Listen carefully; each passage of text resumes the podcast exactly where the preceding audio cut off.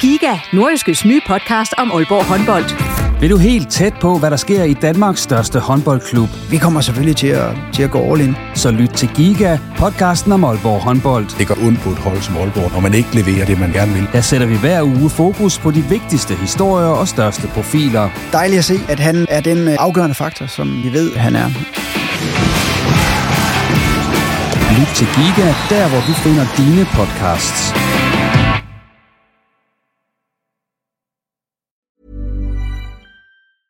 Hiring for your small business? If you're not looking for professionals on LinkedIn, you're looking in the wrong place. That's like looking for your car keys in a fish tank.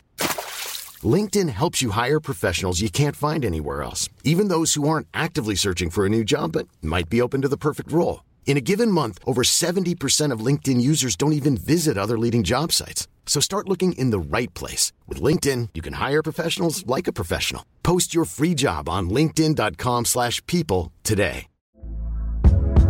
Hey there, it's Michelle Norris. I'm host of a podcast called Your Mama's Kitchen. When I travel, I'm usually looking for a way to find a taste of home when I'm not at home. And one of the things I love to do when I am at home is entertain. And Airbnb allows me to do that. When I was in California recently, I rented a house that had a great kitchen. And when we were sitting around the table, we we're all thinking, we're in someone else's house. Someone could be in all of our homes as well. If you have a home, but you're not always at home, you have an Airbnb. Your home might be worth more than you think. Find out how much at airbnb.com/slash host. Du lytter til en podcast fra Nordjyske. Dommen er lige så hård, som den er klar for bookmakerne i øjeblikket. Efter nederlaget til Silkeborg, der giver OB som nedrykker kun 1,22 gange pengene igen hos Danske Spil, mens AC Horsens er den næste mulighed på odds 7. I dagens udsendelse går vi tæt på søndagens missede point mod FC X Aalborg, og vi kigger frem mod ugens to OB-kampe, der kommer til at afrunde OB's rædsels efterår.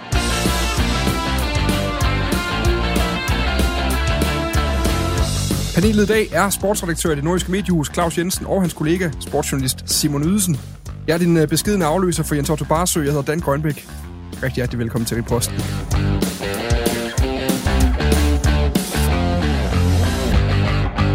De her, velkommen til.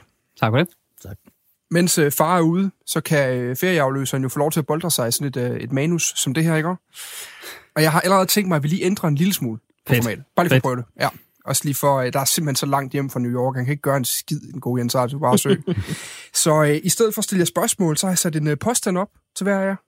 Simon Ydelsen, Ja. du er i virkeligheden meget gladere for første divisionsfodbold end Superliga, så du håber en lille smule, at du i næste sæson skal opleve Derby Della Ydelsens hjembyer mellem OB og Næstved. Øh, jo, den præmis vil jeg gerne købe, men, men jeg tror ikke, det kommer til at ske, fordi jeg tror, at Næstved rykker op.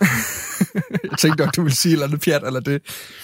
nej, Øh, nej, men jeg, jeg, tror, at Næstved rykker op. Jeg, jeg tror så også, at OB rykker ned, så det, det kommer ikke til... Ja, det er noget lort. Og så kan det være ligegyldigt, hvad du gerne vil have, så er det, så er det sådan, det er. Jamen, jeg vil da ønske, at vi... Jeg vil da drømme om at få lov til at se øh, Næstved OB, men så skal OB godt nok tage sig alvorligt sammen. Og det, Men vi er jo nogen, der er gamle nok til at kan huske at OB spille øh, mod Næstved og, og tabe stort til, øh, til Søren Juhl og, og Frank Hårgaard og dem. Vi er også nogen, der ikke er. Nej, nej, men jeg vil, jeg vil bare sige, at det er ikke mange år siden, at OB var på besøg over på Næstved Stadion i en pokalkamp, hvor at, uh, Tom van Wert, han smadrede Næstveds oprykningsmuligheder. Ja, det er lang tid siden, som vi står og kigger på det lige nu, var. Ja. ja. Lad os bare konstatere det. Claus Jensen, som øh, filmelsker, og øh, vil jeg påstå en af Nordjyllands øh, største og eneste samlere af film på Blu-ray, så kan du komme i tanke om de første tre tragedier, som OB's rædsels efterår minder dig om. Ja, nu er måske ikke øh, der, der står flest titler af på, på hylderne. Vi er mere over i nogle thrillers, og, øh, og der vil jeg så sige, at øh, dem kan jeg godt komme på nogle øh, øh, titler, som, som kunne være relevante her. Panic Room, Cape Fear, og, øh, og hvad skulle den sidste så være? Det er Titanic måske. Er der nogen af dem, at Titanic kender jeg, er der nogen af dem, der ender lykkeligt? Sådan rigtig lykkeligt. Øh, nej, ikke rigtigt faktisk. Øh, altså jo, Panic Room gør måske, men, øh, men der er nogen, der dør undervejs, som ikke andet, så helt lykkeligt er det ikke. Jo, men Lars Friis er der rådet sammen med Inge, så på den måde, så kan det være, at vi har taget dødsfaldene tidligt. Det kan man håbe for Ja. ja. OB's vegne. På søndag eftermiddag, der øh, spillede øh, OB efterårets sidste hjemmekamp, da de mødte øh, Silkeborg IF. Øh, og det blev til sæsonens 8. nederlag. Det tredje på hjemmebane af slagsen, og faktisk er det nu ikke lykkedes for OB at vinde på hjemmebane siden kampen mod Brøndby i 6. spillerunde tilbage i august måned. Hvordan, øh, jeg kunne egentlig godt tænke mig, at vi lige starter med at kigge væk fra banen og så på lægterne. Altså, det slog mig, det er virkelig lang tid siden, de har fået en hjemmesejr ude på Portland. Hvordan reagerede publikum egentlig i går, øh, Simon, på det, der foregår ude? Jamen, der var der... der var, øh, jamen, det er, jo, det er jo lidt ligesom spillet på banen. Altså, i, i de, de første 60 minutter, der var der nærmest eufori, og hver eneste gang, at der var en OB-spiller, der var så meget som prøvede at takle bolden, jamen, så blev det nærmest mødt med, med, med bifald. Øh, og ja, det er jo så klart, at stemningen daler jo så i, i takt med, at, øh, at øh, stillingen ændrer sig. Øh, så, så, øh, men, men øh, når det så er sagt, altså det, jeg byder mest mærke i, det er faktisk det, der sker efter kampen, efter slutflottet, øh, hvor OB's øh, fans øh, ned på Vesterbyen, de stadigvæk øh, egentlig øh, står og synger, og er meget vokale, og, og på en, det jeg vil tolke som en for situationen meget positiv måde, meget supporterende måde. Så, øh, og der var også et banner undervejs, hvor der står, at vi står bag jer. Ikke? Så, så altså, jeg tror ikke, at OB-spillere kan bede om meget bedre opbakning, end, end den, de bliver mødt af lige nu. Jeg tror, at øh, det er gået op for alle og enhver, at OB er i en situation hvor lige nu, hvor at øh, lokum brænder, og det vil sige, øh, de kan sandsynligvis rykke ud. Det er det, de favoritter til, som du også startede udsendelsen med at sige. Så de fleste ved jo nok godt, at øh, det hjælper ikke noget at bue dem øh, ud herfra så til sidste kamp i foråret, for så redder de sig i hvert fald ikke. Så, så der er også sådan en, øh, en realitetssans, tror jeg, blandt folk, at, at øh, ja, hvis de scorer et mål på hjemmebane allerede der, så har vi nærmest overgået forventningerne, og, og øh, ja, opbakningen er jo, er jo overdrevet stor i forhold til, hvor elendigt det er gået, og hvor, hvor øh, kan man sige, mishandlet publikum er blevet med, med, med kun den her ene sejr. Claus, på det tidspunkt, hvis vi spoler nogle år tilbage, hvor der er en, en hollænder nede sydpå, der redder OB fra nedrykning øh, i den sæson, der, altså er der nogen forskel på publikummet dengang og den her, altså i forhold til, der var de jo ligesom misrygtet, og det varede jo hele sæsonen på det tidspunkt. Ja, jeg kan man sige, den her, øh, den her kan man sige, bølge, øh, hvor man for, ligesom forsøger at redde øh, OB og ligesom bakker op helt ekstremt, det nærmest jo, jo dårligere det gik, jo mere bakker man op. Det var egentlig foranledet af en kampagne fra OB, som startede op til forårssæsonen, altså noget, man kom på i vinterpausen. Så der blev egentlig, som jeg husker det, buet en hel del i det efterår, hvor det gik skidt. Men så kom Kent Nielsen ind, og så var det ligesom om, at det fik ændret, ændret stemningen, og så brugte man den her vinterpause på at bygge den her kampagne om, om at sammen skal vi redde OB.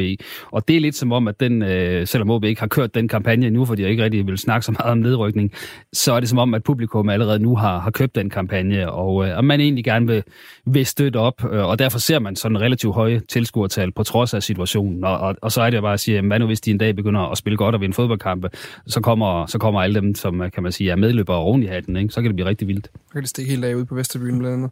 Altså, øhm, og det er virkelig alle mænd på dæk lige nu, må man sige, fordi den her kamp, den ender øh, 1-2 øh, for OB, der scorer Andreas Poulsen på fremragende forarbejde af Luka Prip, det kommer vi øh, lidt tilbage til senere, og for Silkeborg, der hedder målscorerne Pelle Madsson og øh, Stefan Tordersson.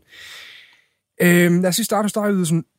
Du var jo manden med analysen efter den her, den her kamp, som man kan læse på, på Nordisk.dk i mandagsvisen også. Altså, hvad var, øh, hvad var top og bund for OB, hvis man øh, spørger dig?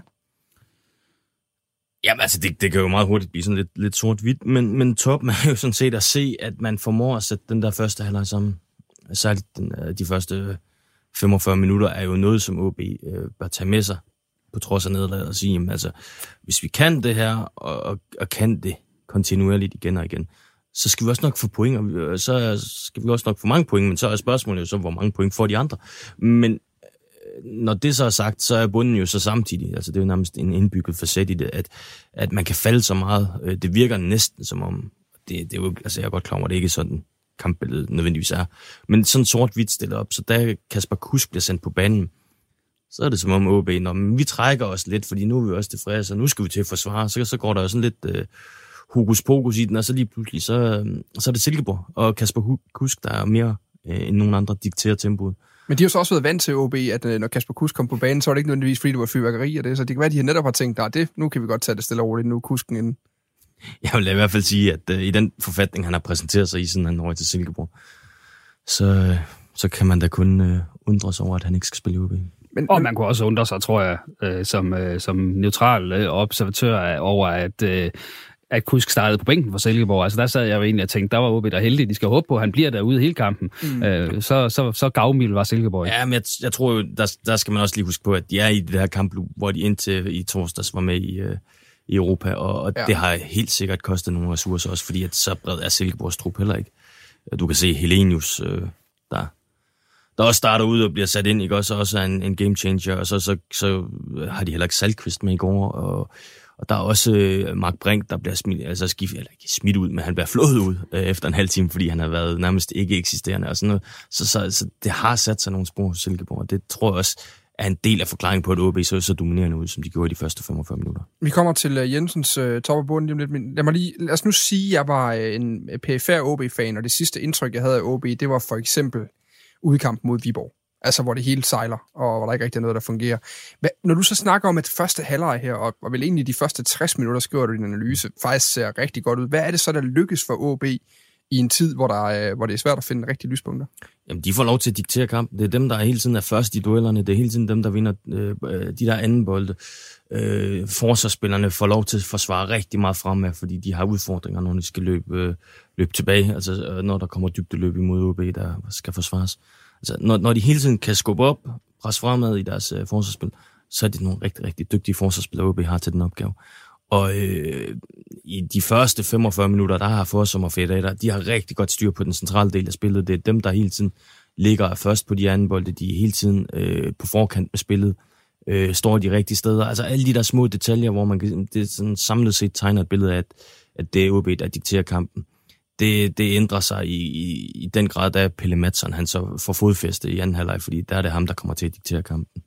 Claus Jensen, top og bund over for dig, når du uh, kigger på kampen? Jamen, top var jo, at OB i 60 minutter i hvert fald får opfyldt det, den præmis, som, som stod klar på forhånd. Silkeborg skal dybest set ikke have bolden. og det er jo nemt at sige, de må ikke få bolden.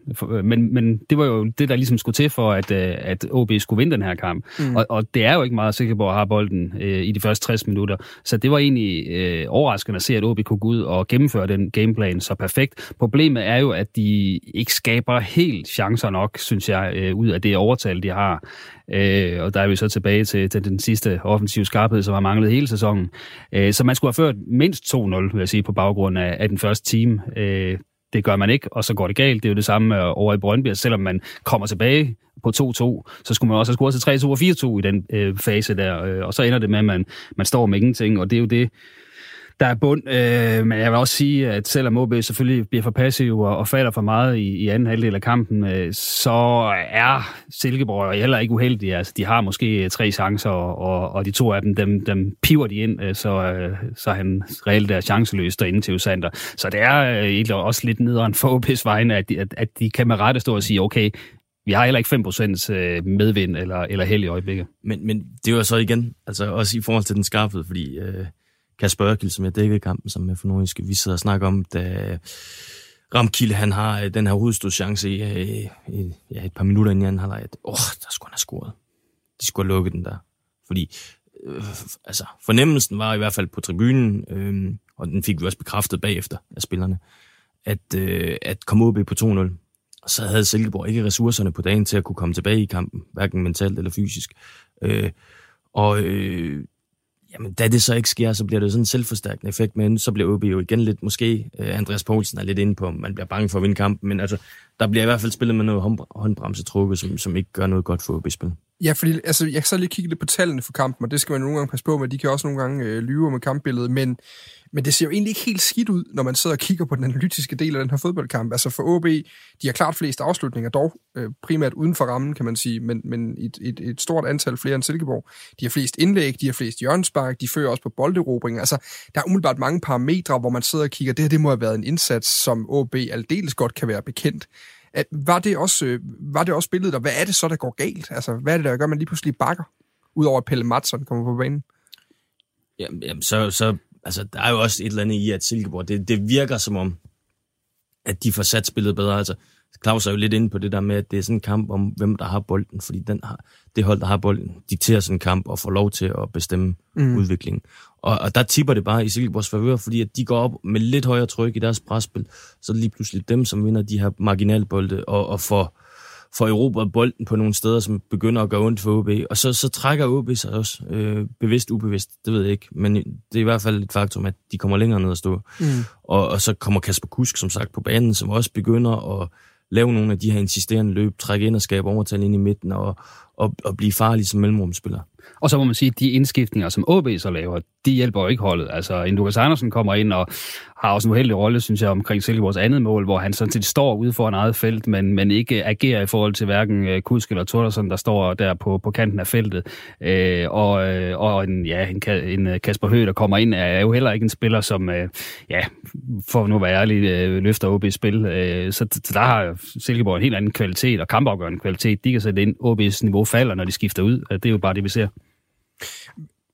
Jeg hæftede mig lidt, du var lidt inde på Andreas Poulsens interview bagefter, for der er noget med den her usikkerhed, der ligesom forplanter sig i holdet, når, når, når tingene så ikke helt lykkes. Og han siger bagefter til øh, Kasper Ørkild, øh, måske er vi bange for at vinde, jeg ved det ikke. Det var mærkeligt, hvorfor vi ikke kom på fuld kraft i anden halvleg, når det fungerede for os i første halvleg og i seneste kamp mod Brøndby.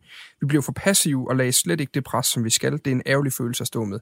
Sidste del af interviewet siger sig selv, men første del altså, den her med, måske vi er bange for at vinde, jeg ved det ikke. Altså, den der, det er, jo, det er jo lige så interessant, som det er modløst på en eller anden måde, når man kigger på det, ikke? Der bliver jo skabt nogle spøgelser inde i, ja. i hovederne på spillerne, jo flere gange det her sker. Altså med, at man får en, en, en koldspand øh, is i hovedet i, i slutfasen. Nu er det endnu mere i slutfasen i Brøndby, men det er jo lidt det samme følelse, man står med her, selvom man havde 10 minutter tilbage på at præparere på det her i modsætning til Brøndby. Altså, at, at der, der bliver skabt spøgelser, og jo flere gange, sådan rent sportspsykologisk, OB får det her øh, dask og bliver et ordentligt gok i nøden, jo, jo, jo sværere bliver det øh, at rejse sig. Så det er også derfor, at øh, de altså, har ikke råd til øh, mentalt at blive ved med at tabe de her kampe, hvor, for det er jo ikke øh, indsatsmæssigt, er det jo ikke de her kampe mod Brøndby og, øh, og Silkeborg, som, som kan man sige, siger, at de rykker ud, fordi normalt skulle de have point ud af de her kampe, det er jo, kan man sige, andre kampe, hvor de har været helt væk, som, som er, er grunden til, at de ligger dernede, kan man sige. Altså, det her, Simon, det var jo for fanden det, Erik Hamren skulle fikse. Altså, det er jo attitude, det her, i sidste ende. Altså, er det ikke det, der mangler? Jo, det, det, det er i hvert fald en del af det. Ja. Det, det, det kan vi ikke uh, komme udenom. Også, uh, og det kommer vi nok også tilbage til i forhold til noget lederskikkelse på, på holdet. Men, men uh, altså, attituden... Uh, jeg, vil, jeg vil ikke sige, at du sidder med fornemmelsen af, at OB-spillerne har den forkerte attitude på banen den sidste halve time. Men det bliver bare den her lidt passiv tilgang til det, og så synes jeg også, der er, en, der er en pointe, vi bliver nødt til at tage med. Det er, at Silkeborg har et, et, øh, altså et spilkoncept, der måske er det højst anlagte i, i dansk fodbold lige nu. Og når det så lykkes, som de i højere grad kommer til at lykkes med i anden halvleg, for du ser også øh, brudstykker af det i første halvleg, men der, der er OB bare så heldige og dygtige, at de får lukket stort set ned for det. Men du ser det også i momenter mm. i første halvleg. Når du så ser det over en lidt længere periode, hvor det bliver lidt mere udtalt, som det gør i anden halvleg, så, øh, så, så er det ikke nødvendigvis kun fordi, at OB øh, går baglæns, så er det altså også fordi, at Silkeborg har ekstremt meget kvalitet på det, de laver. Men det er også bare fordi, at det handler ikke nødvendigvis om, om altså, jeg ved godt, at attitude, det er også sådan et øh, dobbeltord på, at var det fordi, de ikke ville det nok, men det her med, at man går ned, altså den manglende selvtillid, den, øh, den der ro, der også skal være over slutningen af en kamp, hvor du foran, hvor du skal kunne lukke det ned, det er jo også noget af det, jeg synes, Erik Hamren har været en, en, en øh, hvis ikke en garant for, så i hvert fald en, øh, en, en, en mand, der kunne arbejde med. Ja, men, men så er vi jo tilbage til det der skifte der øh, på trænerposten. Øh, ja. Lars Friis ud og, og ind med Erik Amren. Altså, som jeg skrev dengang, så var jeg, jeg, jeg var ikke sikker på, at det her er er problemet, hvem der lige er cheftræner i OB. Altså, jeg føler mere, at det, den, det hold, han havde, bare blevet sat sammen, og som uh, Inge André Olsen har været med til at sætte, at det ikke nødvendigvis var bedre, og, og, og, og som vi også tidligere har været inde på, at det, det var skævt sat sammen. Der, mm. altså, der manglede angriber, der manglede uh, styrmænd og, og ledere og alt det her. Uh, og, og der synes jeg jo bare, at vi har set, altså Lars Friis kom fra de sidste fem kampe, inden han bliver fyret, der får OB 8 point, og det, uh, ja, det er jo gået dårligere, siden uh, Erik Amren kom til. Og, og selvom der selvfølgelig har været noget god attitude i nogle af kampene, så har der jo også været kampe, hvor man er, er faldet helt ud. Altså, øh, så, så jeg synes lidt, det, det bare viser, at, at der, når man har, for eksempel i OB, øh, der var jo også alle mulige øh, fyringsrygter omkring en, øh, en Andreas Alm, øh, men, men der har man ligesom holdt fast i retningen, og, mm. og det viser bare, at, at OB har brugt øh, 5-6 TF-trænere på tre år, at det, det, det gør ikke noget godt, det, det forvirrer mere, end det gavner, så øh, ja, vi vender tilbage til OB-sammenligningen tidligere, for jeg har faktisk lige præcis kigget på en lille smule tal, øh, for, for, fordi der er noget med, at deres øh, veje, de splittes ligesom efter øh, runde 6 i år, og siden er det gået markant anderledes i Odense. Øhm, jeg kunne godt tænke mig lige at blive her, fordi øhm, hvis vi kigger på det offensive spil, det har vi jo tidligere talt om, har været et problem i OB. Har været det store problem, faktisk. Øh, man manglede angriber, der kunne score mål, og man manglede nogen, der kunne sætte angriberen op. De var simpelthen for dårlig form, øh, dem, der, øh, dem, der var på. Vi talte ikke så meget med Luca Prip, som vi gjorde sidste sæson og så videre. Altså, vi har jo, i, den her, i den her kamp, der har I Kilian Ludevig, som øh, den usandsynlige held, øh, kan man sige, dagens OB'er. Andreas Poulsen scorer, øh, og Andreas Poulsen er inde på i sit interview efter kampen, Simon, at de her offensive backs, altså det kan godt blive en, øh, en rigtig god ting for OB rent offensivt. Jamen, det, altså, kan det være løsningen jamen, og skal vi, skal vi, skal vi, jamen, det, bestemt. Bestemt. Også fordi, at, at Ludvig og Poulsen er netop øh, mere wingbacks end, end backs. Så altså, det her formationsskifte, som vi nu har set for OB igen, øh, gør jo bare, at de bedre kommer til sin ret. Og det ser vi jo også i, i går, hvor jeg egentlig, altså OB skal have ros for taktisk at have læst Silkeborgs øh, defensive organisationsstruktur, kald det hvad du vil, rigtig godt, fordi at det her med at lave diagonalskiftet, og det, det ser du Prip gøre et par gange i løbet af kampen, men meget tidligt og meget insisterende, øh, få, den skiftet hurtigt, gerne på en aflevering. Det er jo det, der fører til målet, øh, men det er også det, der fører til flere andre øh, gode situationer, som OB ikke får forvaltet godt nok. Ja, OB er jo i en situation nu, syv point øh, under stregen, at, at de kan jo ikke fedt en overlevelse hjem. De er nødt til at have et offensivt mindset, og, og det betyder i mine øjne, at man, man skal køre videre med, det her, med ja. de her reelle vingbakker, øh, fordi det giver bare noget mere offensivt, at de har så selv scoret to mål i Brøndby og, og et mål her. Det, altså, det er jo mere end en gennemsnit, hvis man kigger på, på OB, der er 16 mål i 16 kampe. Ikke? Så, så man bliver nødt til at angribe sig ud af den her, og det vil sige, den her øh, formation, den vil man nødt til at holde fast i. Det betyder så reelt også, at man skal ud og have en forsvarsspiller mere, fordi lige nu der spiller man med de tre, man reelt har, der holder niveau. Og det er så der, man kunne håbe på, at det kunne lykkes at få, få landet en, en Rasmus Talent, og så får man også noget lederskab ind. Ja, folk i Aalborg lige i øjeblikket, de smiler nærmest bare ved tanken om, hvis det kunne lade sig gøre. Det, det kan også gøre skuffelsen dobbelt så hård på den anden ja, side. Ja, nu fordi se, der, men... altså, vi, det skal vi lige have med, at det er langt fra sikkert, at Talent han, han havner i, i OB. Jeg hører også, at han har tilbud fra, øh, fra større klubber. Øh, I Danmark alene? Ja, mm. øh, en OB, og det, det kan jo godt øh, altså, hvis, hvis ikke OB de kommer ud af, af starthullerne, så kan det jo godt ind med, at, øh, at Talander som bliver nødt til at sige, jamen, så, så bliver jeg nødt til at tage noget andet, fordi jeg skal også, øh, han skal jo tænke på sig selv, og, og selvfølgelig vælge, vælge altså, ud fra, hvad, hvad der bedst giver mening for ham. I den her kamp, vi skal lige omkring, du var lidt inde på det med Lukas Andersen, øh, Claus Jensen, der kommer på banen efter 74 minutter, og øh, hvis man skal være grov, vil gøre sig mest bemærket for at blive øh, ramt lige i manddommen øh, og ligge og vride sig lidt i smerte over det. Altså, hvor, øh, hvor står han hen lige nu? Vi har en Alan, vi kan måske også tage Alan Sousa lidt med i den der beregning, fordi han starter også på bænken lige for tiden under Hamren. Og ja, det er mere, mere underligt, man sige. Vi har jo snakket om det tidligere, at det, det nok begynder at bære i retning af, at uh, Lukas skal ud på bænken og sidde, fordi han simpelthen ikke har, har bidraget godt nok uh, i, uh, ja, til OB's spil, altså hverken uh, mål eller, eller assist, og, og heller ikke, kan man sige, været god nok, hvis han skal ligge som en af de, øh, kan man sige, de tre midterste i mm. den her øh, formation, øh, så er der jo ikke råd til et eller andet sted, at, at, at han ikke også, øh, kan man sige, er en, en fungerer defensivt, og det har han ikke gjort, og det gjorde han heller ikke i går. Altså, så hvis man skal bruge ham, så skal det være på en af de tre forreste positioner, som, som jeg ser det, og øh, Alan Sousa synes jeg er en anden historie, fordi altså, han er jo stadig den, der har produceret mest på mål og assistkongen i den her sæson i OB, så, så et eller andet sted, så bliver man jo nødt til at have ham til at fungere. Øh, og, og hvorfor han sidder ude lige i øjeblikket, altså, jeg kan bare sige, at de træninger, jeg har set, der synes jeg ikke, at han har, har været, øh, kan man sige, øh, en skændsel, eller, eller ikke øh, arbejdet, eller, eller noget, men det er klart, han er udisciplineret, og det kan jo godt være det der, Erik Hamren har set et eller andet, der gør, at han har placeret ham derude, men jeg synes, man skal have ham tilbage i startopstillingen. Lukas Andersen, øh, ja, jeg, jeg må sige, jeg tror lige nu, der, der er han ikke en del af, af plan A i OB, og skal heller ikke være det. Det er, jo, altså det, er jo fuld, det er jo på mange måder fuldstændig vanvittigt at snakke om, at Lukas Andersen ikke er en del af plan A i OB, på trods af hans skader, Simon, er det ikke det? Altså, det er bare mig og min Nej, jamen, jamen, jamen, jamen, jamen, igen, altså det er en gammel traume for mig, fordi at jeg, jeg, jeg har en skæringsdato, der hedder øh, 31. december 2022 på Lukas Andersen. Jeg forventer ikke ret meget fra ham før den dato.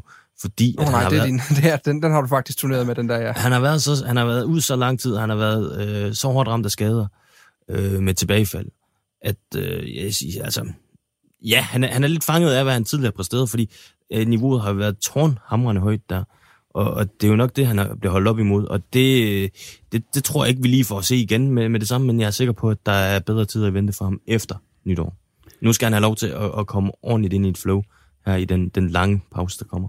Ja, så kan han jo være en fin øh, mand at have at sætte ind i kampene, hvis man skal vinde dem, kan man sige til sidst. Øh, lige nu, der, der synes jeg, at øh, der er for mange svagheder i forhold til, hvis man for eksempel skal forsvare noget, som man jo reelt har skulle, øh, når han er kommet ind mod henholdsvis Brøndby øh, og, øh, og den her mod Silkeborg. Der, der, der bliver han mere en belastning for, for holdet det giver rigtig god mening. Det, det er jeg helt enig med og, og så vil jeg egentlig hellere spille ham som, som nier position, øh, og det vil jeg også med Alan Sousa, end jeg vil sætte en, øh, en Kasper Høgh ind som, som første mand, som øh, Erik Hamren så har gjort de sidste par kampe, øh, som måske virker lidt, lidt mærkeligt, for jeg synes simpelthen ikke, han er, han er god nok.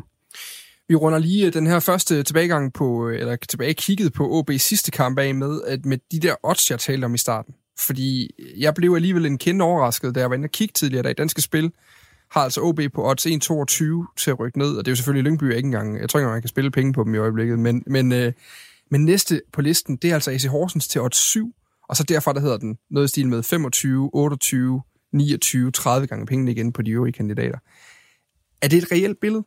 Eller er det også et, øh, et, et, et, et, et billede på et dansk spil, der, øh, der bare virkelig ikke har lyst til at tjene penge? Nej, jeg, jeg synes, det er meget reelt. Øh, vi er 16, vi er halvvejs igennem sæsonen. Altså, prøv efter. Vi er halvvejs igennem den her sæson. OB står på 14 point. Hvis vi, øh, altså, hvis vi, hvis vi fremskriver det til en sæsonslutning, så, så ender de på noget, der hedder 28-30 point, fordi du får måske lidt flere point i, i nedrykningsspillet. Hvad ved jeg? Hvis du, hvis, altså i den her sæson, hvis du ender på 30-32 point, så rykker du ud. Fordi det er så lige en række, så at, at øh, det, altså det, der tidligere har været nok, fordi at du har haft øh, enten Vejle og øh, Sønderjyske i seneste sæson, eller inden det Lyngby og, og Horsens, der var helt væk, jamen, så, så kunne du godt klare dig med 30 point. Det, det kan du ikke her. Så OB skal op og have et helt andet pointsnit i de resterende kampe, og, og der kigger vi jo stadigvæk ind i nogle øh, svære kampe, hvor man må sige, jamen, sådan som Superligaen har udformet sig i den her sæson, så er der ikke nogen, hvor du bare siger, jamen, der skal vi ud og så se OB vinde og dominere. Det har været mod øh, Lyngby og mod Horsens, og det blev til tre uafgjort og sådan sejr i de fire kampe. Ja, så kan man kigge på, på Horsens som det hold. At det er nok dem, de skal hænge deres hat på. Det, det vi mm. hele tiden har sagt. Og, og, og det er også svært at se OB, øh, kan man sige, bringe øh, Brøndby eller FC Midtjylland, som lige nu også er de andre hold, der ligger dernede i problemer i, i den der ende. Øh. Men Horsens er bare så stabile, øh, at de øh, dels øh, er gode til at, kan man sige, at få et point her og der, men de har altså også de kampe, hvor de, hvor de smadrer øh, modstanderen. Øh, så, så det er jo lige så stort et problem, at der er ikke nogen, man kan hænge sin hat på. Man kan sige, I starten af sæsonen kigger vi, okay, Lyngby og OB, de ser godt nok sløje ud, så, så derfor kan OB nok ikke komme i problemer, men uh, det skal der lov for, at de, de kunne. Og så, så vil jeg jo gerne vende tilbage til det der, øh, og det er ikke for ham og OB mere i hovedet at sparke dem, når det ligger nede i forvejen. Men, men vi kan jo snakke herfra så til nytår om, at jamen, vi skal hænge vores hat på Horsens, så det skal vi også, fordi altså Horsens har en, den smalleste trup, laveste budget, og vi kan blive ved, og de skal nok sælge uh, James Gomes i januar. Og hvad, de kan Alt peger ligesom i en retning på, at de skal komme i problemer. Det er ja. det, alle øh, øh, kyndige fodboldanalytikere vil sige. Men jo? vi kan også bare sige, hvis ikke HB de forbedrer sin pointhøst markant, så kan det være lige meget, hvad Horsens gør, fordi så, så skal de nok få skravet de point sammen, der gør, at de kan overleve. Så, så, så, så, så det starter med OB. Ja, Horsens skal have 9 point mere, så er de på 30. Det skal de nok få. Altså, ja. de får formentlig også 32. Ja. Så, så OB skal ikke bare hudle sig igennem. De, de, skal, de skal komme skudt ud af en kanon i foråret, og så skal vi lige kigge på, hvem er det, de skal møde. Det er altså nogle tophold, sandsynligvis. Øh, er det Brøndby og FC København, eller er det Midtjylland og FC København i to første kampe? Ja, men de har faktisk, lige, det er jo det, jeg lige står og kigger på, nemlig de har i den allerførste kamp, den 19. februar, der har de så der har de AGF på hjemmebane, men så hedder den FCK ude, Midtjylland hjemme, OB ude, Randers hjemme, og det er, altså, det er altså de første fem kampe derefter. Ikke? Altså, så, så, det er jo svært at se, at pointhøsten, med mindre der sker noget markant i løbet af vinter. Jeg skal nok lige sige, at vi efterlader lige den helt store halvsæsonsanalyse til, til næste program, så den gode Jens Otto, han kan få en, øh, en nem en øh, til højrepoten, når han kommer hjem fra ferie. øhm, men i virkeligheden, så synes jeg, altså, nu, hvis vi kigger på den sidste kamp, OB har FC Nordsjælland, hvis jeg ikke husker helt forkert for din analyse for weekenden, Simon, så skriver du, at det vil være urimeligt at forvente af OB, at de tager til, til Farum og tager tre point med hjem derovre fra på nuværende måde, eller på nuværende tidspunkt. Øh, du skrev i din... Øh, du var også manden med analysen sidst, de mødte Nordsjælland, faktisk. Øh, hvis vi kigger tilbage i tiden. Åh oh ja, den kan jeg godt huske. Der skriver du faktisk i den analyse, isoleret set var det positivt, at OB fik et point med 0-0 hjemme mod FC Nordsjælland, men det ændrer ikke ved, at udsigterne for OB er dårlige, hvis man hæver sig op over øjebliksbilledet, som i øvrigt heller ikke er for godt. jeg synes på en eller anden måde, at det er noget kyndigt i en gang at kigge tilbage i analyserne, også, øh, også når, når selv folk som ydelsen ender med at have ret en gang imellem. Den skal man øh, holde fast i. Ja, det skal man. den skal sørge for at ride den hest, du skal ride den grundigt. Altså, øh, nej, men bare for at sige, FC Nordsjælland, hvis vi kigger tilbage på den 0-0-kamp der, som du overværede, og så den kamp, der venter nu her i weekenden. Altså, er, er den opgave blevet øh, nemmere eller sværere? Hvor står holdene henne nu? Den, den er jo svær, fordi det er på kunstgræs. Det er jo notorisk svært at spille mod en FC Nordsjælland på det skide kunstgræs oppe i farven, fordi der er de del med gode. Men det er lidt den samme opskrift, kan man sige. Hvis man kan forhindre Nordsjælland i at have bolden, så er de knap så gode. Øh, så, så et eller andet sted er det jo øh, opskriften fra, fra Silkeborg for at få OB's vedkommende bare lige 90 minutter, og nu siger jeg bare lige, det, det er knap så, så let, men altså et eller andet sted, så er det jo sådan en kamp, hvor man OB skal være glade for at få et point. Det skal de så bare ikke, fordi de har brug for tre. Øh, mm. Så ja, den er, den er godt nok svær, fordi øh, det kan godt være, at Horsens altså worst case scenario, Horsens kunne sagtens slå OB i sidste spillerunde, det vil ikke være, det vil ikke være fuldstændig ude i hampen. Øh, og så er man altså ude i, at man har 10 point op til Horsens. Så kan det godt være, at man så stadigvæk har, kun har 7 op til Brøndby eller, eller Midtjylland eller, eller sådan noget, men, men det er jo ikke dem, man skal regne med overhale. Så øh, det er, det er svært at have ja-hatten på lige nu. Jeg, hvis jeg nu skal, skal fremhæve noget, jeg skrev tidligere på året, øh, som så ikke helt, øh, kan man sige, altså, jeg holder... Lad os bare ja, ja, det. Men, ja. men der skrev jeg, at, at jeg ikke kunne se OB rykke ud, Uh, og det skrev jeg, vil jeg jo så argumentere for, det skrev jeg, inden de valgte at skifte træner igen igen, kan man sige. Uh, og der vil jeg stadig hænge min hat på, at jeg tror ikke, at OB's situation vil se, have set lige så slemt ud, hvis man har forsøgt at holde noget kontinuitet og holde fast i den positive stime og den måde, man gik til midt Ryan Reynolds here from Mint Mobile. With the price of just about everything going up during inflation, we thought we'd bring our prices down. So to help us, we brought in a reverse auctioneer, which is apparently a thing. Mint Mobile unlimited premium wireless. Ready to get 30, 30, bit to get 30, bit to get 20, 20, 20, bit to get 20, 20, bit to get 15, 15, 15, 15 just 15 bucks a month. So, Give it a try at mintmobile.com/switch. slash $45 up front for 3 months plus taxes and fees. Promo rate for new customers for limited time. Unlimited more than 40 gigabytes per month slows. Full terms at mintmobile.com. og vandt 2-0 på. Hvis man trods alt havde arbejdet lidt videre med det der, så tror jeg ikke, man har, stået øh, i den her situation øh, lige nu. Øh, det kan godt være, at man har ligget i den tunge halvdel, men har altså ikke været syv point bagud. Det nægter jeg simpelthen at tro på. Der har været for meget signalforvirring og for mange trænerskift i OB til, at spillerne øh, har kunne, øh, kunne rumme det. Det vil jeg våge at påstå. Der har været noget signalskift, og nu kommer vi... Vi skal også snakke OB lige om lidt, som er den diametrale modsætning i det. Men i virkeligheden, så OB spillemæssigt, står de egentlig et bedre sted nu, end de gjorde der i, jamen det har vel været helt tilbage i august måned, da du ser dem på hjemmebane mod FC Nordsjælland? Øh, jeg synes, de står... Det, det er meget det samme sted, de står. De skridt til siden, som de også sagde øh, efter den kamp. Ja, jamen, lidt, lidt fordi, at det er jo stadigvæk, øh, det er jo stadigvæk de defensive dyder, som man, man kæmper lidt med at få på plads. Og så, øh, det må være fundamentet, man stadigvæk leder lidt efter der. Og så, så kigger vi jo ind i en offensiv, som er hulter til bulter. Altså, jeg, jeg, jeg, jeg kan ikke... I går kunne jeg se, hvordan OB de ville komme til chancer i første halvleg. Det er noget af det mest tydelige og klare øh, OB-spil, jeg har set i meget lang tid. Men, men om det er en strategi, der sådan på den lange bane holder, det tror jeg ikke, fordi Silkeborg er meget distinkte i den måde, de, de, vil, de vil komprimere deres organisation på. Så det tror jeg ikke, du kan mod alle andre hold. Men, men OB har i hvert fald læst rigtigt, og, og jeg savner bare stadigvæk den der måde, hvor man kan sige, sådan her ved vi, at OB de kan komme til chancer. Mm. Det, det har vi ikke. På onsdag, der skal de en tur til Fyn, til øh, Christian Eriksens øh, fødeby, hvor de skal møde Middelfart, øh, som lige nu fører 3. division i øh, pokalturneringen. Hvis vi lige kigger på den kamp, vandløse kampen for et par uger tilbage, eller 3-4 uger tilbage, var jo ikke just nogen walkover for OB på nogen måde. Altså, der skulle både tre straffespark og forlænget spilletid til, før de kunne snige sig videre i den kamp, som jeg husker det. De var piv heldige for at sige det der. Og jeg, Theo Sandersen havde, havde 5-6 kæmpe redninger. De var piv heldige. Øhm, men jeg kunne godt tænke mig at snakke lidt om den her pokalkamp, som ligger på et tidspunkt, hvor OB reelt set måske har en nøglekamp i næste weekend burde man smide den? Altså mere eller mindre at sige, pokalturneringen den er 0% værd, hvis ikke vi kan overleve Superligaen. Nej, det, det har man, man har jo ikke råd til øh, ikke at forsøge at gå ud og vinde den kamp, og, og høst, som du selv siger, forhåbentlig banken en masse kasser ind og få noget selvtillid. Men der kan jo hurtigt bagefter øh, vise sig at være kommet på tværs. Altså, hvem ved, om man får en skade eller to, og, og får knækket den sidste grad af selvtillid, der er overhovedet tilbage i holdet, hvis man taber den kamp. Og vi må bare sige, at OB's bundniveau lige nu er, er øh, så skrøbeligt, at, øh, at et middelfarthold nu har vi jo set øh, for eksempel Aarhus Fremad øh, køre Brøndby over, vi har set øh, Vandløse komme ud og udfordre OB.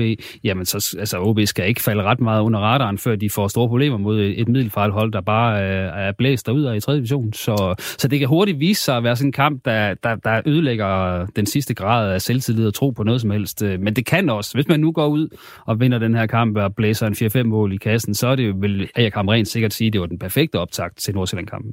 Simon, hvis du var træner derude, vil du sætte øh, et U19-hold, der lige har vundet weekenden på banen mod øh, Middelfart, og så sige, drengene, vi går lige i videorummet, og så er vi klar til søndag? Nej, jeg vil ikke sende et U19-hold på banen, men jeg vil, øh, jeg vil øh, sende nogle af de spillere på banen, som ikke har fået så meget spilletid, fordi så kunne de måske også lige pludselig blive et, et, et aktiv frem mod øh, kampen i farven. Øh. Og hvis han så har ret, Claus Jensen, fordi lad os så sige, at de der reserver, de går ud og taber kampen mod Middelfart på onsdag også så er det med men en hård weekend at skulle kigge ind i, er det ikke det? Uanset hvor mange der så var på banen. Jo, men det ville det jo næsten være lige meget hvad. Øhm, altså, jeg, jeg synes ikke, og det, det, ja, det, det står for egen regning, det her. Men jeg synes ikke i den nuværende situation, at, at pokalturneringen er skide vigtig for OB. De øh, hænger med røven i vandskorpen her i Superligaen, og øh, står over for en historisk svær øh, forårssæson. Så om man lige har en pokalkamp fra eller til der i det forår, det, det, jeg, skal ikke stå råd dem til at tabe, fordi det ville jo være helt åndssvagt. Men, men jeg synes, jeg synes alligevel ikke, at det er sådan en kamp, man skal lægge alt for meget i og sige, jamen, taber OB den. Ja, det er da en overraskelse, altså, hvis de taber til Middelfart. Men det skal så med, at Middelfart har et rigtig godt hold, som burde spille anden division. De skal spille på den her meget, meget tunge bane nede i Middelfart. Der er omkranset af skov, der ligger blade på banen. Der, det kommer til at være en tung bane, de skal ud og spille på. Jeg har lige snakket med Robert Kaketo, som siger, at banen er nok en fordel for os, fordi den er svær at spille på. Så OB skal jo ikke øh, forvente, at de kommer derned og skal spille øh, poleret fodbold. Udover Kaketo, så er der også andre kendinger i OB, eller i Middelfart. Altså også en Alexander Bavn, der har gjort sig i Hobro er, er på holdet dernede, og, og generelt er det sådan hold, de har samlet faktisk af, ja, af folk, de har, der har prøvet de sig af på højere niveau. De har blandt andet også Christian Eriksens fætter, Andreas Eriksen, med på holdet. Det er jo interessant uh, at se, hvad han kan.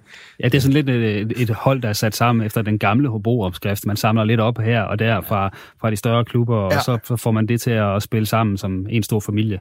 Øh, så, øh, men, men altså nej, præmissen for, at OB skal gå ud og smadre Middelfart er ikke særlig stor, fordi øh, det bliver formentlig, altså det er jo Middelfarts øh, den største kamp nærmest i klubbens historie, og øh, på en elendig bane. Altså alle advarselslamper øh, blinker jo, kan man sige, i forhold til, at det her det skal blive nemt for OB. Øh, men jeg giver Simon fuldstændig ret. Øh, hvis den der pokalturnering bare kan blive sparket langt ud i Limfjorden, og så OB redder sig, så er det et scenarie, OB køber lige nu.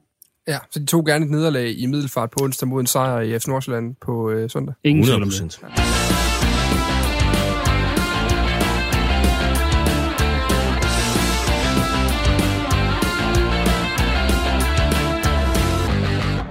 Vi skal nu øh, lige kigge lidt frem mod de øh, øh, knap tre måneder, øh, der jo venter efter øh, kampen mod øh, FC Nordsjælland. Det er nemlig en øh, historisk lang pause på grund af øh, den her slutrunde øh, i Katar, og så derudover også den, den sædvanlige danske vinterpause.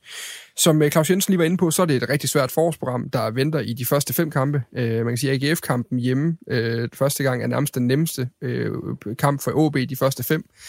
Og det kan være en udfordring i sig selv. Men derudover, så står man jo også og skal lave en eller anden form for genopbygning. Kommer den her pause reelt set på det bedst mulige tidspunkt for OB, at Hamren har tre måneder, lad os bare sige, der er ikke nogen, der skal med til VM i den trup, så der er tid til at arbejde med tingene? Altså, det er i hvert fald en periode, øh, hvor man kan sige, så længe man ikke vinder fodboldkampe, som man ikke gør i øjeblikket, så handler det bare om at få trykket på time-out-knappen hurtigst muligt. Øh, så øh, et eller andet sted, så skulle det jo være sket allerede for et par runder siden, hvis det skulle være helt optimalt, så man kunne få, få kan man sige, omorganiseret sig, få noget øh, nyt blod, lederskab, øh, højere kvalitet ind i et, øh, et vindue. Mm. For det er jo det, der skal til, fordi OB de skal jo komme blæsende ud, ligesom Randers gjorde det i 2010, øh, hvis de skal have en chance her. Og, og det, det kan de ikke, i mine øjne, med det nuværende hold. Det er simpelthen ikke stærkt nok.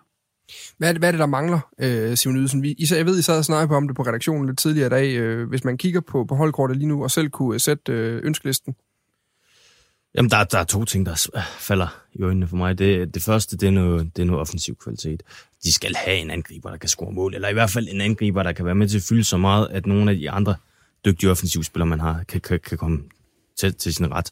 Og så, øh, så mangler de noget lederskab. De mangler øh, den mand, der, øh, der, ja, der tager et gult kort i holdets tjeneste, når, når de andre lige skal vågne op. Øh, ham, der skriger og råber ud på træningsbanen, når det ikke er godt nok. Altså, ham, der lige flytter de der 5% både i træning og i kampe, fordi han er der ikke lige nu. Altså, det, det kan godt være, at der er nogen, der vil sige, at Lars Kramer, han er der. Men Lars Kramer er ikke den person, der på sin altså vokale indsats er, er, rykker noget på den måde. Så, så OB har brug for en talentertype, har brug for en Mathias Ross. Altså, øh, til sidst, da Mathias Ross han spillede i klubben, der, der havde øh, deres øh, fyser, de, de har lavet en, en skadesforklaring, øh, forklaring, der hed Mathias Ross. Sådan, fordi at der var der nogle gange, hvor han lige kom lidt for sent i en takling, eller øh, lige fik øh, snidet en af medspillerne, sådan at nå, øh, nå, det var bare Ross, der kom i vejen. Altså, ham, den type, han mangler sgu i OB nu. Og lige nu kan man bare øh, høre en knappenål falde, øh, også til træning, hvor der ikke er nogen tilskuer, der forstyrrer lydbilledet. Der er simpelthen ikke nogen, der råber og skriger og skaber sig åndssvag og er dum svin, om man så må sige. Øh, og det er jo netop øh, typer som øh, Ross og Tillander og Jakob Rinde, som kunne det før, som ikke er der nu. Så, så det er bekymrende, hvor stille der er, vil sige. Man kan høre Erik Hamren, men øh, han kan jo desværre kun, øh, kun lede uden for banen. Men det er altid notorisk svært at finde angriber. Det, det er den ene ting det er nærmest det mest elendige at skulle ud og finde i et januarvindue, kunne jeg forestille mig. Særligt, når man ikke rigtig har så mange penge, som også er tilfældet ude på Hornvej. Men det næstsværeste at finde, det er jo ledere øh, ud af ingenting, som skal kunne komme ind og præstere med det samme. Altså, hvis de henter ham 1. januar, så har han, jeg mener, det er en måned og 19 dage, før han skal stå og råbe det hele op øh, mod AGF øh, ude på, på Portland Park, altså ude på stadion derude. Hvad, altså, hvordan finder man det? Altså, det, det kan vel nærmest kun være talenter, der er en mulighed for OB på det på nuværende tidspunkt. Det er i hvert fald den mest oplagte mulighed, og det er også derfor, hvis, hvis der er nogen grad af tøven i OB lige nu, så, øh, så må man jo simpelthen uh, tømme spargrisen nede i, i kælderen, og så få, få, få landet ham med det, der nu skal til, fordi uh, det er punkt et, den nemmeste plug-and-play-spiller, man kan, man kan få mm. på det niveau. Det er også fordi, man, hvis man skal spille med en trebakkæde, så mangler man simpelthen også en stopper. Og så er der så den her offensive position, og der, der er vi nok mere ude i noget lead by example, øh, og der kunne jeg jo sige, jamen, hvad er realistisk for OB? Altså, så skulle man øh, håbe på, at man kunne øh, få en Mikkel Kaufmann tilbage, fordi der får man i hvert fald en, en voldsom tonser, og netop en, som bliver en håndfuld for et forsvar, og som kan give noget plads omkring sig. Men altså, det kræver jo velvilje fra FCK, man kan sige, Øh, kan man så få den velvilje, det ved jeg ikke. Øh, det, det er jo ikke, OB er jo ikke en trussel for FCK, kan man sige. Jeg går ud fra FCK, nu hvor de er kommet i top 6, og tænkt sig at blive der. Så... Ja, der skal også lægges en transfer for at have OB de penge. Det, altså, der er rigtig mange... Øh... Mindre man skal overtage lejeaftalen for Karlsruhe eller sådan noget den stil. Ja. Og, og alligevel er det jo ikke sådan, at man tænker, at øh, hvis de henter Mikkel Kaufmann, så skal han nok lave en 7-8 mål i foråret, som Mo Sishan gjorde i sin tid for Randers. Altså, det, det føler jeg mig ikke overbevist om, men vi skal også være realistiske her. Altså, hvad er det, OB kan finde? Øh, men det nytter jo ikke noget, at man kun har en Marco Ramkilde, som stadigvæk er i gang med at bygge sig op, som holder niveau på angrebsfronten. Simon Ydelsen, kan du komme med din omfattende fodboldviden? Du ved alle mulige underlige ting engang, men kan du nogensinde komme på et hold, der midt i, et, øh, midt i en sæson har, fordi jeg går, lige nu taler jeg ud fra scenariet, der er talenter ikke er en mulighed. Altså det tyder, han, han har helt sikkert muligheder for større hylder, og det skal mest være klubkærlighed. Han gør det, tænker jeg, hvis, øh, hvis OB skal blive en, øh, en realitet. Lad os sige, at talenter ikke er en mulighed. Kan du komme på en enkelt klub, der har fundet en ledertype, sådan her, som ikke øh, lige var taget fra klubben et halvt år før, og, og, og endte i noget moras i udlandet? Øh, jamen altså, øh, Randers da de, øh, da de henter Christian Keller hjem fra Italien, er, okay. er, er jo et bud, men... men øh, Øh, ja, og også Anders Eholm hentede de også i sin tid, da de skulle ja, reddes. Ja, ja, ja, men bestemt, og, øh, og jeg vil også, altså, men, men jeg, jeg, jeg tror så også, vi er ude i, at øh, det kan godt være, nu kommer vi til at lyde som flok gamle mænd, men, men ledertyperne, øh, vi skal ikke mere end 10 år tilbage, så var led, ledertyper, det var, det var sådan, der var, der var flere af dem. Altså, der, man, man var skolet på en anden måde. I dag så er det fandme så strømlignet det hele. Så, så det der med at være en leder... Så der er færre at vælge imellem. Det, det skal ligge i blodet, ikke også? Og det er også derfor, at, øh, øh, at en spiller som Mathias Ross på mange måder blev undervurderet, også fordi hans, hans lederegenskaber, hans, øh, hans attitude på banen, altså det var jo virkelig en spiller med attitude, som, som ham rent ville have elsket at arbejde med. Mm. Ja, de ting, jeg hører fra Brøndby med, med Daniel Vast, nu kommer han hjem, og jeg ved godt, det er på en helt, helt anden hylde. Ja. Men det er jo ikke ham, der skriger og skaber, men han sætter bare tonen i omklædningsrummet for, hvordan skal det nu her være. Ja. I efterrunde 6 af den her Superliga-sæson, ikke? Der, øh, der, der lå OB og OB jo i sådan et forfærdeligt parløb. OB, de fyrer træneren og sportschefen og henter øh, i alt 8 point i 10 kampe siden da. Hvor OB beholder træneren, og i samme periode har de skrabet 19 point til sig. Og ligger lige nu langt væk fra nedrykningsfare, som var det på det tidspunkt. Der er flere grunde til det, øh, men, men, øh, men vi skal selvfølgelig ind på, om det her, den her kontinuitet betyder noget. Men broen er jo Bjørn Poulsen. Jeg tror, at samtlige OB-fans vil kigge på hinanden i dag og sige, hvis nogen spørger mig, om han er en stor fodboldspiller, så vil de sige, nej, ikke sådan rigtigt. Det er ikke, fordi man er meget mere sikker, når han har bolden, end man var ved Kasper Larsen nødvendigvis. Men øh, til gengæld, så er der, der er nogle stakkels offensivspillere, der får savet en ankel i ny og næ, fordi Bjørn Poulsen, han skal vise øh, dem ved siden af. Hvis ikke det er for Poulsen, så er det fra øh, Mihailo Ivancevic, der står ved siden af ham, der også øh, godt kan smadre igennem. Man kan sige, at Bjørn Poulsen, han kunne godt blive castet til den næste sæson af Vikings på HBO. Det tror jeg ikke, Kasper Larsen kunne. Jeg tror, han bruger et hashtag på øh, Instagram, der er noget i stil med strong as fuck, tror jeg, han bruger en del øh, lige i øjeblikket, og det siger på en eller anden måde meget om hans tilgang til spillet. Kunne en Bjørn Poulsen-type, mm, lad os bare sige med enkelte mangler på sit fodboldspil, men til gengæld med fuld smadret på fysikken, kunne han være vejen frem for, øh, for OB? Ikke at øh, det lige er ham, de nødvendigvis finder i OB lige øjeblikket. Jamen typemæssigt, så ja. Øh, fordi at øh, man kan sige, at, at skulle ligge inde i smørhullet i det der tremandsforsvar, hvis det bliver det, der er fremgangsmåden, jamen så, øh, så, så kan du rigtig meget med rutine og placeringsevne og lidt duelstyrke. Øh, og det er jo der, vi kigger ind i, at Tillander, der er han jo den perfekte løsning. Mm. Så, så typemæssigt, så ja. Er du enig, Jens? Ja, og øh, der er også, øh, som jeg ser det i kampen mod Silkeborg, en Adrani, som måske på overfladen gør det godt, men jeg synes, han er det svage punkt der er inde i den der kamp. Altså, der, der er noget usikkerhed omkring øh, hans placering, og hvornår han skal gå i pres, hvornår han skal gå i pres. Altså, der er, hvis man kigger omkring med, med situationerne med målen, altså, så, så virker han noget tøvende og noget øh, fejlplaceret. Så, så det er det tynde øl, øh, Nadrani, så, så jeg så gerne, at han blev skiftet ud med en, en større fighter, øh, større leder, og ja, også en, der er, der er lidt mere øh, ja, altså, bedre i organiseringen. Ja, og vi skal jo heller ikke glemme her, at uh, Anders Halskær kommer jo hjem. Uh, men er han det, man søger, tror du? Ikke, ikke nødvendigvis. Det, nej, det er han jo ikke, men han, han kommer jo så med nogle andre egenskaber. Mm. Men, men lige i OB's nuværende situation, så nej. Uh, men, men hvis du spurgte mig, hvad vil jeg helst arbejde med lige nu, om det er Nadrani eller uh, Halskær, så, så hælder jeg til at sige Halskær, som har gjort ja, det vil jeg også sige, fordi Halskærs øh, topniveau, øh, især på, på bolden, den, øh, og til at sætte spillet, altså der, der er han jo øh, klasser over Nadrani, så, men, men problemet er, at selvfølgelig Halskær havde nogle udfald, hvor han kostede, øh, så ja.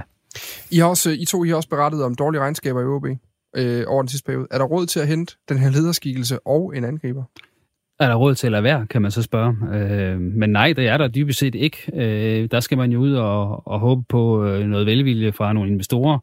Øh, skal man ud og skynde et øh, salg til en udenlandsk investor igennem, det er jeg ikke sikker på, at man skal i den her situation. Men man skal, man skal vel groft sagt ud med, øh, med hatten og øh, spørge nogle af, af de mest velvillige sponsorer og samarbejdspartnere, vil I være med til, at vi, vi redder det her sammen? Vi kan hente den og den og den Øh, det kræver, at I hjælper til. Vælg det. Mm. Der tror jeg, man kan nå langt, øh, fordi hele Nordjylland og også netværket omkring OB ved jo godt, at det her, det må, det må dybest set ikke ske, at OB rykker ud. Øh, så, så, er der, så er der altså folk, der er villige til at se bort fra, om det er en god forretning eller ej, og så, og så hjælpe klubben. Apropos alle mand på dæk. Ja, og, og vi skal jo ikke, vi, vi kan jo bare gå tilbage til, til, til den der sæson, hvor de var ved at, var de 11, man var ved at rykke ud. Øh, hvor at, øh, er det, det er Michael Lund, det er Morten Duncan, det er Thomas Augustinusen, man henter tilbage, og jeg har glemt ene. Ja, det har jeg egentlig også, men, men det var de væsentlige, dem der. Men, men, men man, man leger dem. Man leger Michael Lump og, i, i Zenit, og, og i Celtic, man uh, leger Duncan i også. Altså, jeg tror, øh, jeg tror, det er noget lignende OB, de skal ud og, og forsøge at gøre her. Om, om, om det, man, det lykkes lige så godt her, det, det er svært. Det bliver rigtig svært, men Øh, jeg, jeg, det, er ikke, det er ikke det der med at skulle ud og betale transfer for en spiller. Eller sådan. Man, man skal ud og lege nogle spillere af Kaufmann, som du har nævnt, er et rigtig godt bud. Og en talenter, det kan jo også i potentielt set, hvis ikke der, der er noget andet, der falder af hak for, for talenter, så kunne en lejeaftale jo også der være en mulighed, øh, hvis tingene Bestemt. bedre sig i forhold til, til det, han ellers går og slås med talenter. Lad os lige runde den her snak af med, øh, nu var jeg lidt inde på sammenligning med OB tidligere. Øh, det var du også, øh, Claus Jensen. Øh, OB skifter ikke ud på nogen positioner. OB, de skifter nærmest alt, hvad der skiftes kan i den sportslige sektor, undtagen øh, spillertruppen. Øh, har det betydet noget for, hvor vi står nu, og, og det, det polemiske og øh, bedrevidende og øh, øh bagudkiggende spørgsmål er jo, øh, havde vi stået et bedre sted, hvis man havde fortsat med projekt Fris og, og skævet til den måde, man greb den på i Odense? Det er sgu svært at sige. Altså, det er jo hypotetisk, men, men ja, jeg, kan bare, jeg kan bare se, hvad Bjørn Vestrup han har gjort nede i, i Odense, og så må der sidde nogle OB-fans, der kigger med misundelse mod det, fordi han rystede i hvert fald ikke på hånden. Nej, på det tidspunkt, der lignede Alm-projektet i Odense vel ikke noget markant bedre, end Lars Friis gjorde i Aalborg. Nej, og vi skulle spørge, han har haft meget længere tid til, ja. til at, at prøve at lykkes. Ja, nej, det så forfærdeligt ud. Altså, jeg tror, øh, selvom OB fik lidt point i starten, så lå de jo klart sidst på, på expected points, og nu ved jeg godt, det, det er sådan for tabel, men altså, det sagde jo lidt om, at de, de fik nærmest flere point, end de egentlig skulle have haft, selvom de ikke fik særlig mange. Ja. Det var også derfor, man pegede lidt på OB som, øh, som det tynde øl, som OB, der i hvert fald måtte være bedre end men øh, ej, situationen, som, som den er lige nu, øh, må man bare sige, at øh, kontinuitet har betalt sig i OB, men, men også kvalitet. Jeg står ikke, ikke her og siger, at OB bare skulle have, have undgået øh, at fyre nogen, eller, eller sige farvel til nogen de sidste tre år. Det er ikke det, jeg siger, fordi øh, Inger André Olsen skulle jo ud på et eller andet tidspunkt. Altså, han havde jo ligesom ikke øh, løst sin opgave godt nok øh, med den her trup, som, som stod tilbage, men, men lige på cheftrænerposten, lige når det begynder at, at faktisk se fornuftigt ud, hvorfor er det så, man, man skal skifte der? Det forstår jeg stadig ikke til den dato, men det bliver jo hypotetisk. Jeg kan sagtens stå her og sige, at OB var over stregen, hvis ikke det var sket. Det kan jeg ikke bevise.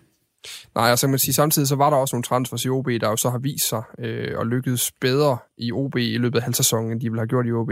Jeg tror faktisk, at nu, ja, ananas i egen juice, det er altid godt. Jeg, jeg tror faktisk, jeg skrev en kommentar eller en analyse efter transfervinduets lukning, om at øh, OB har netop hentet nogle af de spillere, som OB burde have hentet, fordi at øh, at man fik tæt nogle huller der, øh, og, og med noget kvalitet, som, som så rigtig spændende ud, og hvor OB, jamen altså, det, er jo, det, det jo, viser sig også bare, at jeg, hvad fanden ved jeg, fordi det var ikke helt korrekt, hvor jeg sagde, at, at det var ikke nødvendigvis et, et, et, et, et stjernekøb, man havde gjort sig ved at hente øh, Bakis i stedet for Kasper Kusk. Jeg, jeg skal være den første til at sige, at Bakis, han har, synes virkelig, han har gjort det godt, siden han er kommet til OB, så der er ikke så meget at komme efter der. Nej, men, men grundlæggende så tror jeg, at OB selv levede i en boble der om, at, øh, og det var også den fortælling, de ligesom ville sælge ud af til, vores hold er godt nok. Øh, og det var også det, de ligesom brugte til at, ligesom at skubbe Lars Friis ud. Jamen det her, det er bedre, du får ikke nok ud af det, Lars Friis.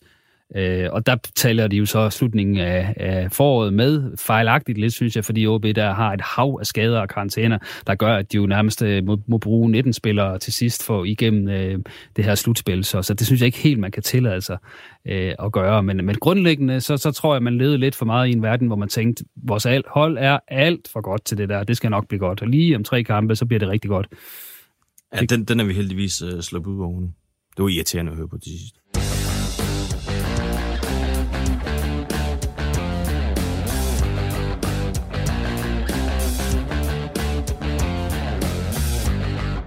Vi runder OB for den her gang øh, efter øh, kun 50 minutter af dagens øh, podcast. Hvis I er trætte af, at der ikke er mere om Hobro og Vendsyssel, så skyder I bare alle, al kritik i min retning. Så lover jeg, at Jens Rosvold nok skal hænge mig til tørre i næste program. Så er så far tilbage i, i programmet.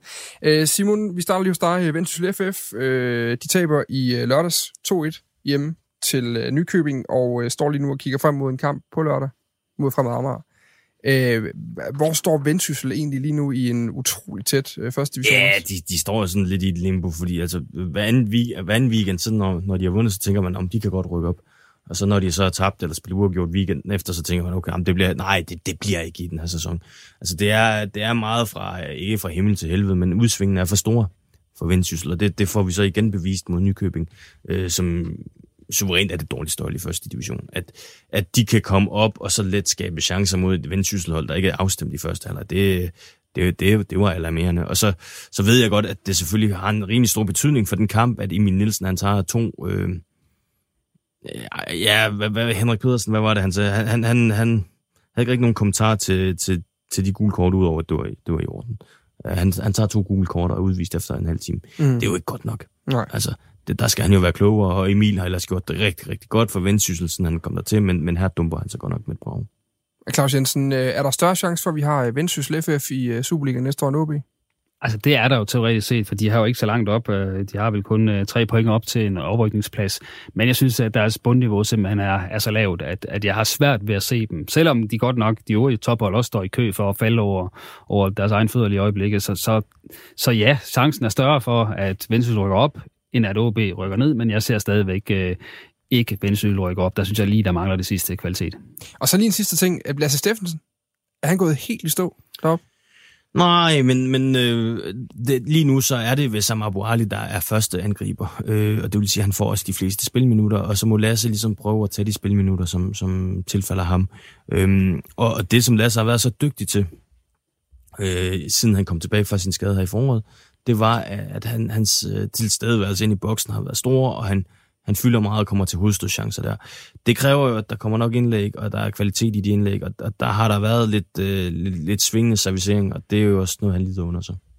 Lasse Steffensen har lavet seks mål i den sæson. Det er kun et mindre end hele Hobros hold til sammen øh, har lavet. Øh, Hobro, de spiller øh, ude lørdag kl. 14, øh, og øh, de tabte senest øh, 0-1 hjemme til HB Køge. Og lige ved blive ved det her med målene, Claus Jensen, at de har lavet syv mål i 16 kampe på nuværende tidspunkt. 8 faktisk står der her på mine papirer. Der Okay. jeg nødt til at sige. Der Jeg står synes- 8 og 20 imod på den officielle hjemmeside. Det er meget givet forbi. Det Ja. ændrer ikke, heldigvis ikke det helt store i min pointe her. Ej, det Øh, det er jeg ret glad for. fordi det, jeg stadig lige vil fremtælle, det er, at øh, på nuværende tidspunkt, der hvis man går op til øh, dem, der har scoret flest, videre, så har de lavet 36. Det er mere end, altså, det er mere end fire gange så mange mål, som øh, Hobro har været i nærheden af i den sæson. Og det er jo også det, der gør sig udslag i den seneste kamp, hvor de heller ikke kommer på tavlen. Hvad, hvad, hvad er det? Det giver ikke engang, giver ikke engang mening at snakke om, hvad deres største problem er. Øh, hvordan, er der nogen løsning på vej? Er der, ser man noget målscoringspotentiale i det hold, der, der mangler at blive forløst? Altså, Brian har det vel i sig, og det burde Don Dietzson også have det. Han har så været meget øh, skadet i starten af sæsonen, men, men øh, overordnet set, så er kvaliteten jo bare ikke god nok. Der er også noget omkring, hvem der støber kuglerne. Altså, en mate, det har gjort ondt på dem at miste en Mikkel Mejlstrup til Randers. Det er der ingen tvivl om, men, men et eller andet sted øh, skal de jo håbe på, at de kan 0-0 sig øh, til overlevelse Hobro, som det ser ud lige nu. Jeg har svært ved at se dem, at de lige pludselig begynder at score masser af mål med det hold, de har lige nu. Der, der, der mangler simpelthen noget kvalitet, men der selv kan jo være et hold som Fredericia i øjeblikket, og sådan set også Fremad Amager øh, ser, ser ret sløje ud også. Øh, så, øh, så, så de har stadig en chance, men det er klart, at altså, nu har de scoret 0,5 mål i snit per kamp. Altså, hvis de står med det, når sæsonen er slut, så våger jeg påstå, at, at så, så må de simpelthen rykke ud. Det kan ikke lade sig gøre andet. Øh, de skal have op i frekvensen en lille smule, og, og man kan vel øve sig til at, at score lidt mere, hvis man kan, kan holde på holdet hen over vinterpausen. De skal møde øh, Hillerød i den kommende kamp. Simon, Hillerød har øh, lavet 21 mål den sæson her i forhold til. Og det, det var ærgerligt, det ikke lige var syv. Jeg synes faktisk, jeg tror faktisk, der står syv på første division DK, den der, øh, men det må vi lige se. Bold skriver 8, så der er et eller andet der. Det havde været meget fedt at kunne sige, at de har lavet tre gange så mange mål som Hobro. Det har de så ikke helt. Men... Jeg tror, du har stillet dig blind på, at øh, Hobro har tabt syv kampe. Jeg tror, det er det, du har stillet dig blind på. Ja, jeg, vi må lige vi må undersøge tallene bagefter. Jeg, jeg, tager ikke, altså, jeg, jeg tager ikke noget ære Stop herinde. the count. Ja. Ja. Men bare for lige at kigge på Hillerød her. Altså, det, det er jo vildt, at det er en oprykker. Altså, kan Hobro reelt ikke regne sig bedre end ret mange hold i den her række på nuværende tidspunkt? Øh, det, nej, det, er altså, det, det, det er jo svært, fordi jeg synes jo, der er noget bund i Hobros hold, og deres defensiv er jo stærk. Men øh, så stopper det også der, fordi de har de her udfordringer spillemæssigt. Og øh, der kan man bare sige, udviklingen fra et hold som Hillerød. Nu så jeg dem øh, live i, øh, i den første runde, hvor de får en snitter mod Vendsyssel. Jeg tror, det er 5-1, de taber deroppe. Øh, der, der sidder jeg med en fornemmelse af, at det her det, det kan blive et historisk ringe øh, første divisionshold, fordi de var godt nok ustruktureret. Men så ved man så også bare med Christian Lønstrup, at han er så dygtig en træner, at han skal nok få sat skik på det her, og det er jo lige netop det, han har gjort. Altså, øh, de har nogle, de har nogle individuelle spillere, som jeg meget, meget gerne så øh, både spille i Hobro og Vendsyssel. Altså sådan en som Josef Daflaui, jeg synes, han er fantastisk. Og, og når de får forløst sådan en spiller, og, og i øvrigt øh, spiller noget frisk fodbold, hvor det er offensiven, der er i højsædet, så er der altså bare lidt bedre gro- grobund for at vinde kampe. Vi skal runde af med en tårhyler fra hver af jer. Hvem vil starte? Ja, men den tror jeg faktisk, jeg vil godt give til Simon, fordi så kan jeg lige finpudse min, øh, min show. Den skal lige klippes. Ydes nok så meget heller ikke klar. Nej, nej, men jeg, jeg, jeg har en, en lidt dobbelttydig en, fordi at øh, den, den, det er både sådan lidt øh, ros og ris, men, men det er Marco Ramkild. Ja. Jeg vil gerne, øh, jeg vil gerne rose ham for, at han øh, ser spændende ud. i den nuværende forfatning er han jo slet, slet ikke i topform, og det siger han jo også selv. Men alligevel kan man bare se, at han har gjort en kæmpe impact øh, på det OB-spil, vi ser nu. Og jeg synes faktisk, det var en pointe, som jeg glemte, dengang vi gik øh, igennem kampen, at, at da han falder lidt ud af kampen og begynder at blive træt, så kan man også se, at OB falder i kvalitet, fordi at de bolde, der spiller op på ham, som han holder fast i første halvleg, mister han. Og måden, som han meget ihærdigt kan sætte det første pres på, det går også lidt tabt. Øh, så den kvalitet, den er tydelig, og jeg glæder mig øh, del med til at se, hvad det kan blive til, hvis man forhåbentlig får forlænget med ham. Øh, og øh, når det så alligevel også er lidt negativt, så, så, så, så er det jo så igen mod OB. Det kan jo ikke være rigtigt, at en spiller, der ikke har spillet en førsteholdskamp i halvandet år, at han skal ind og være OB's redningsmand. Det, det holder simpelthen ikke, så, så OB må bedste op sig mulighed, der. ja. ja. Jensen, er den klar? Jeg har fået vist kløerne, og øh, det er faktisk en positiv tårhyler nu. Jeg, jeg tror muligvis, det er historisk, at det er første gang, jeg vælger at være positiv. Nå. Øh, så i hvert fald i den her sammenhæng. Det kan Ja. muligvis være sket i andre sammenhænge en enkelt gang eller to. øh, men øh, jeg giver den faktisk den positive tårhyler til Theo Sander, fordi øh, han øh, har jo lavet nogle drops, det må vi bare sige, i den første kamp i Randers, og, og han laver også øh, nogle i hjemmekampen mod, mod Viborg, i hvert fald et eller halvanden. Men jeg synes bare, at øh, den måde, han har rejst sig fra dem på, også kan man sige, øh, på det, han, han laver mod Viborg, den måde, han står på øh, i de andre kampe, og det høje niveau, han generelt holder, det synes jeg egentlig er mere, end man kan forvente af en 17-årig mand øh, på, på, på det her tidspunkt, og der bliver kastet ind på et hold, som, som er i nedrykningsfare. Altså det er, øh, det er jo egentlig et skoleeksempel på, at det er i hvert fald ikke i den situation, man skal kaste en 17-årig ind og have så kæmpestort ansvar. Det synes jeg egentlig, at han bærer overraskende godt. Øh, så kan vi komme senere til diskussionen om, hvis så alle målmænd er tilgængelige igen, hvem skal så stå og så videre. Det, det, der, er, der ved jeg ikke, om jeg har valgt side endnu. Jeg kan bare sige, at han har gjort det over forventning på en, en, en nærmest umulig post, som så ung og urutineret. Tusind tak for i dag, de her. Selv tak. Jeg lover, at jeg nok skal være væk fra studiet næste uge igen, så får Jens Otto lov til at være her igen. I mellemtiden skal jeg huske dig på, kære lytter, du skal gå ind og øh, finde reposten både på Twitter og på øh, Facebook. Du kan også finde den side, der hedder OB Insight på Facebook, hvor vi øh, deler masser af fremragende fodboldjournalistik her fra det nordiske mediehus. Der er en ny reposten klar næste uge, mandag eller tirsdag, hvor, øh, hvor boet bliver gjort op efter øh, halvsæsonen, der er gået, inden vi skal, øh, skal eller skal ikke se noget VM-fodbold. Det er jo op til den enkelte, må man sige, den her gang.